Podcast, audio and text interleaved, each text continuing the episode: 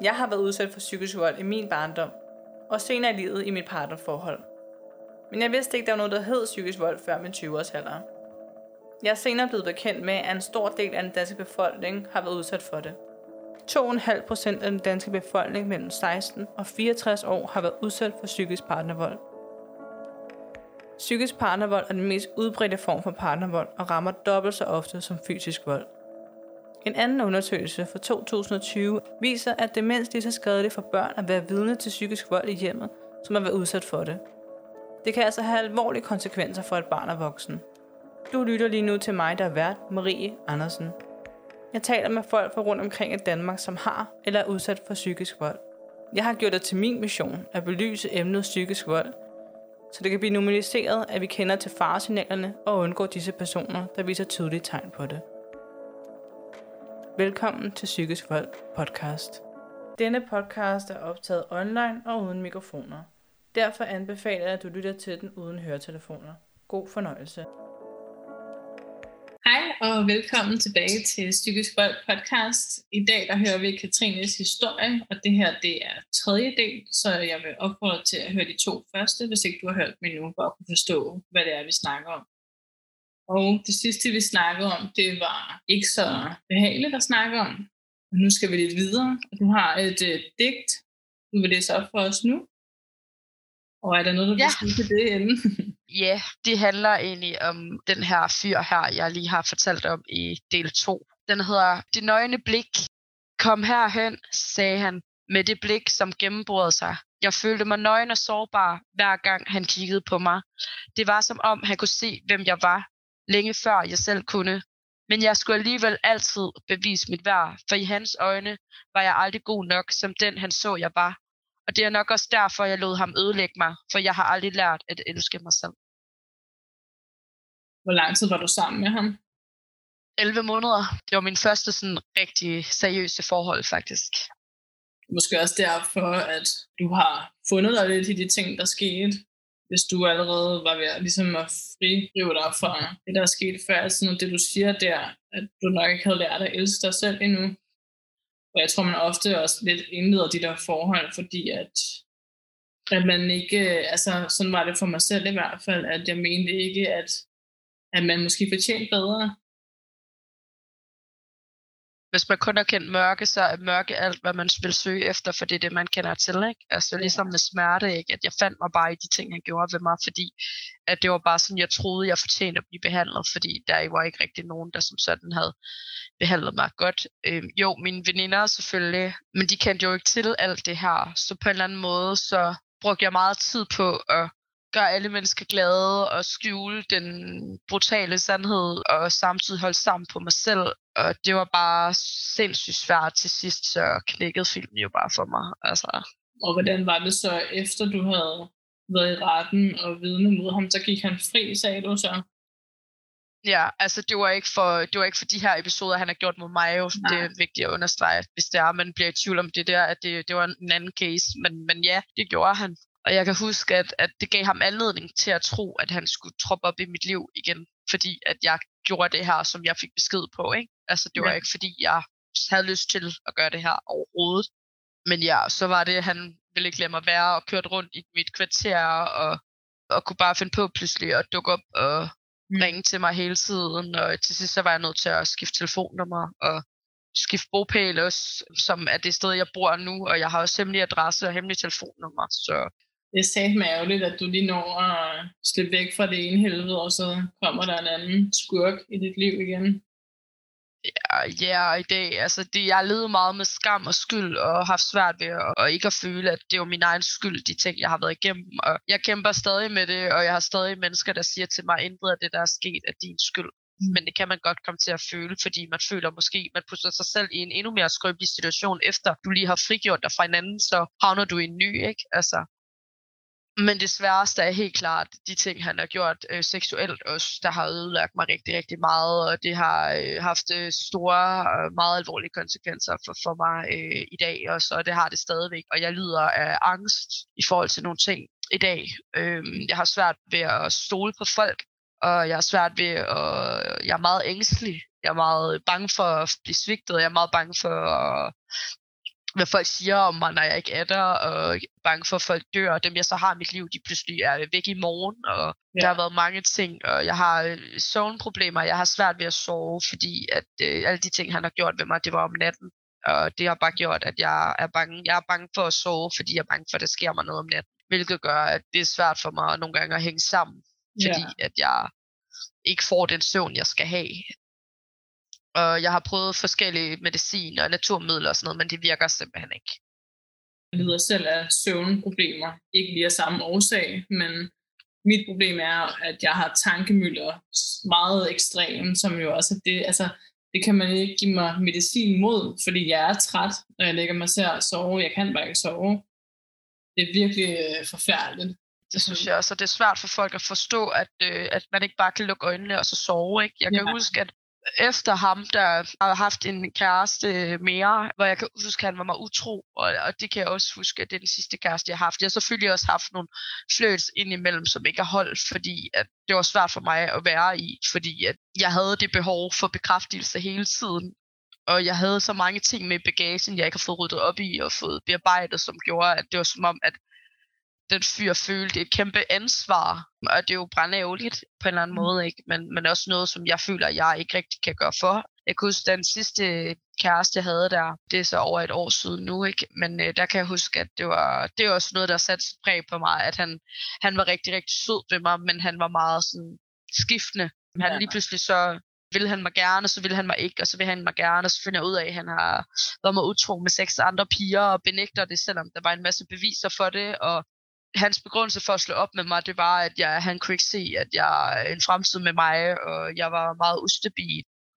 Og jeg havde ikke noget arbejde, så jeg var ikke øh, værd at være sammen med. Og det kan jeg huske, at det har været rigtig svært for mig. At det var noget af det sidste, ikke?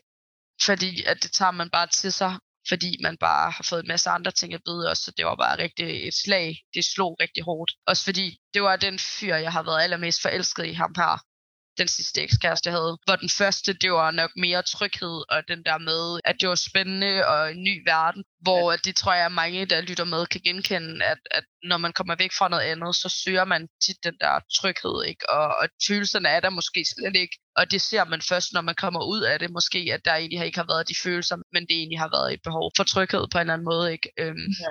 Og derfor var det også så nemt for mig at gå fra ham her og ikke gå tilbage til ham, fordi at jeg ikke var forelsket i ham hvor jeg tror, at der tror jeg, at der er nogle kvinder, der har det sværere, når der er børn involveret, eller man virkelig har været oprigtigt elsket ham, ikke? Men det er også det, der er kommet mig til gode, at de følelser ikke har været der. Den mm. der stormforelske, som man mærker, ikke? Øhm, den ikke har været der, fordi så var jeg havnet tilbage til ham igen 100%. Det ved jeg. Men bottom line er jo også, kan man sige, at ude i din barndom med de sidste to kærester, altså du har jo oplevet svigt fra alle sider næsten, undtagen så dine venner, ikke? Så kan man så diskutere, hvor stabil din sidste ekskæreste selv er, når han har været sammen med seks andre. ja, det kan vi godt blive om. og jeg kommer krybende tilbage hele tiden, ikke? Men altså, der er jeg bare et andet sted i mit liv, hvor jeg heldigvis ikke er den Katrine, jeg måske var for to år siden, eller halvandet år siden, mm. at jeg ligesom ved, at jeg fortjener bedre, fordi jeg har haft mine veninder, der har sagt til mig, hey, du ved. Og jeg er så evigt taknemmelig for, altså der er virkelig nogen, der har lært mig omkring kærlighed. Det med, at jeg har været i det her forhold, og på en måde ikke været mig selv. Og mm. jeg har, jeg har sat mig i nogle situationer og gjort nogle dumme ting, fordi jeg ikke har kendt mine egne grænser, men de har stadig været der, det har sgu været dem, der har samlet mig op og limet mig sammen igen. Ja. Og det er jeg så taknemmelig for. Altså, jeg ved sgu ikke, hvad jeg skulle gøre uden dem. Jamen, så øh, gerne det må lidt til at snakke om, altså hvad du har brugt sådan af redskaber for at komme til bare i hele taget den konklusion af, at du ved nu, du fortjener bedre. Altså, jeg har selvfølgelig haft mine venner, som helt klart har motiveret mig at se, at der findes lys, og der er nogle mennesker, der har det godt. Jeg har også gået til psykolog, og jeg har gået på et aggressionskursus faktisk, for at lære at, at håndtere min vrede. Jeg har været meget vred at lære at arbejde med min udadreagerende adfærd, og det har 100% hjulpet mig rigtig, rigtig meget. Jeg tror, det, der har hjulpet mig mest, det er helt klart, at jeg har haft få, men, men nogen, der har været der og har ikke har givet slip, men har holdt fast, også når jeg skubbede dem allermest væk. Ikke? Og, og helt klart også mit musik og min digte og dans har helt klart været mit survival måde at håndtere sorgen på og smerten på. Og jeg drømmer også om at udgive min digtsamling i dag, og håber selvfølgelig også, at der er nogle af dem, der lytter med, der helt klart øh, vil læse den, fordi jeg vil rigtig gerne ud og appellere til alle dem, der har oplevet de her ting, så de ikke sidder og føler sig alene, og man måske kan tænke, at der er håb forud. Havde man spurgt mig for flere år siden, så tror jeg ikke, jeg havde sagt, at jeg stadig var i live den dag i dag. Jeg har overlevet ting, som nogen måske ikke har, og ikke kunne, som også giver mig en kæmpe styrke at vide, at jeg egentlig har en ildsjæl i mig, der gør, at man skal bare lære at mestre den på en eller anden måde. Ikke? Og det kræver selvfølgelig tid. Men jeg tror i hvert fald på, at hvis man bare har nogle gode mennesker i sit liv, så kan man bare komme så langt, og det er virkelig blevet bekræftet i. Og selvom nogen mener, at de ikke har brug for nogen, så har vi alle brug for nogen at holde af, og nogen til at holde om, og, og omvendt ikke. Og det er helt klart det, der har hjulpet mig 100%. Øh, det har været, at jeg har mødt nogle mennesker, der har vildt mig, og som har, har taget min bagage og løftet sammen med mig, og også løftet hele slæbet, når jeg selv har syntes, den var for tung. Hvis du nu som voksen kunne se dig selv som barn, hvad vil du så sige til dig selv? Ej, jeg bliver helt rørt nu. det var et virkelig smukt spørgsmål. Jeg vil helt klart sige til mig selv, at øh, din kamp ikke har været forgæves. Ej, jeg får helt tøj i øjnene nu. Nå, no. ja, øhm, altså, jeg vil helt klart, altså hvis jeg, jeg står faktisk tit, og, og så ser jeg bare mig selv som den der lille pige, hvor jeg bare virtuelt forestiller mig at tage hende i hånden og bare sige, du skal ikke give op, din kamp har ikke været forgæves. Jeg er så glad for, at der er et eller andet inde i mig, der stadig har sagt til mig, at jeg skulle kæmpe videre, selvom jeg har været ved at give op og prøvet på at give op og ikke har set en udvej, så er det som om, at der er et eller andet, der har holdt hånden over mig og ført mig hen til det sted, jeg er nu. Der er stadig rigtig lang vej, men men jeg har fået dannet mig et sindssygt stærkt netværk af mennesker, og, og det har givet mig et stærkt øh, holdepunkt gjort mig klar til at håndtere de ting, livet kaster mod mig. Og jeg kan bare mærke, at nu har jeg her sidste år mistet et par veninder til selvmord på grund af nogle af de ting, som jeg selv har været igennem hvor de desværre tabte den kamp, hvor jeg også bare kan mærke, at det er sådan noget, der er med til at motivere mig til, at man kæmper for andre og også for sig selv, for at man bliver hørt, og der er hjælp at hente. Hvis dem, der ikke forstår de her ting, de ikke kan være der til at hjælpe, så må alle os, der har været igennem de her ting, hjælpe hinanden på en eller anden måde, ikke? hvilket jeg også helt kan mærke, at det er det, der har været udgangspunktet for dig med den her podcast, helt klart for at nå ud til mm. mænd, såvel også kvinder, ikke? Øh, til at, at stå sammen og ture og bryde tabuet. Ikke? Men jeg tror, det er vigtigt, at man også ligesom får sagt til børn, at det ikke er forkert at sætte ord på tingene. Tit så får man jo at vide, at børn skal ses, men ikke høres. Um, og der er det jo bare øh, omvendt, synes jeg. Altså, man skal ja. både ses og høres. Ikke? Jeg, er der en ting, jeg kunne sige til mig selv, så var det, jeg ville ønske, jeg havde været mere åben omkring de her ting dengang. At jeg havde tur at sætte ord på det. Jeg har været heldig at have nogle mennesker i mit liv, der er godt at kunne se, når tingene er gået galt. Men det er bare ikke alle, der er lige så heldige som mig at have de mennesker. Nej. Og det gør bare, at det er svært at betro sig til nogen, ja, hvis man virkelig ikke har nogen. Altså. Ligesom også du snakkede noget om, at du var bange for at blive skuffet, hvilket måske også var grunden til, at du ikke sagde det nogle gange.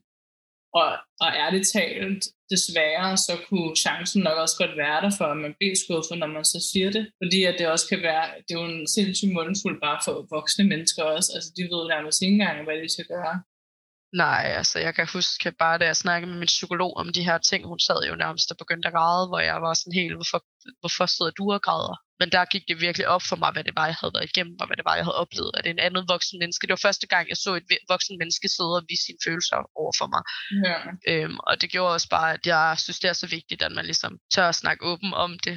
Det tror jeg, det er vigtigt at stå ved sig selv, fordi jo mere man skjuler den del af sig selv, jo mere mister man også sig selv, og, det er svært at finde tilbage igen, hvis der man fortiger alting ihjel. Det kommer til at indhente en, og der taler jeg virkelig erfaring. Jeg kan mærke i dag, at der er nogle ting fra min fortid, der indhentede mig, som jeg stadig skal arbejde med hver dag. Og det tager også tid, og livet er en test, øh, vi alle sammen skal igennem, og nogle de, de snyder sig igennem den andre gang, de prøver at kæmpe for det, og jeg har en veninde, der sagde til mig, at jeg er ikke religiøs for nogen, men jeg kan også godt mærke, at jeg synes, der er noget rigtigt i, at det er Gud, der giver de sværeste kampe til de stærke soldater, ikke? Og det er det, også jeg siger til mig selv, der har gjort, at jeg tror, at jeg stadig står her i dag, er fordi at jeg er gjort af noget stærkt stof, der har gjort, at jeg har kunnet stå imod alt det, jeg har fået smidt i hovedet på mig igennem livet, ikke? som jeg bare vil bruge en dag, hvor jeg bliver ældre og har fået mere styr på mig selv til at hjælpe andre mennesker ud af de ting, som jeg selv har stået i jeg har også en ret god mavefornemmelse om, at du nok skal nå de drømme, du har fortalt mig om i hvert fald. Det virker til, at du er robust nok til faktisk at kunne håndtere det og, og forstå, hvad det er, folk går igennem.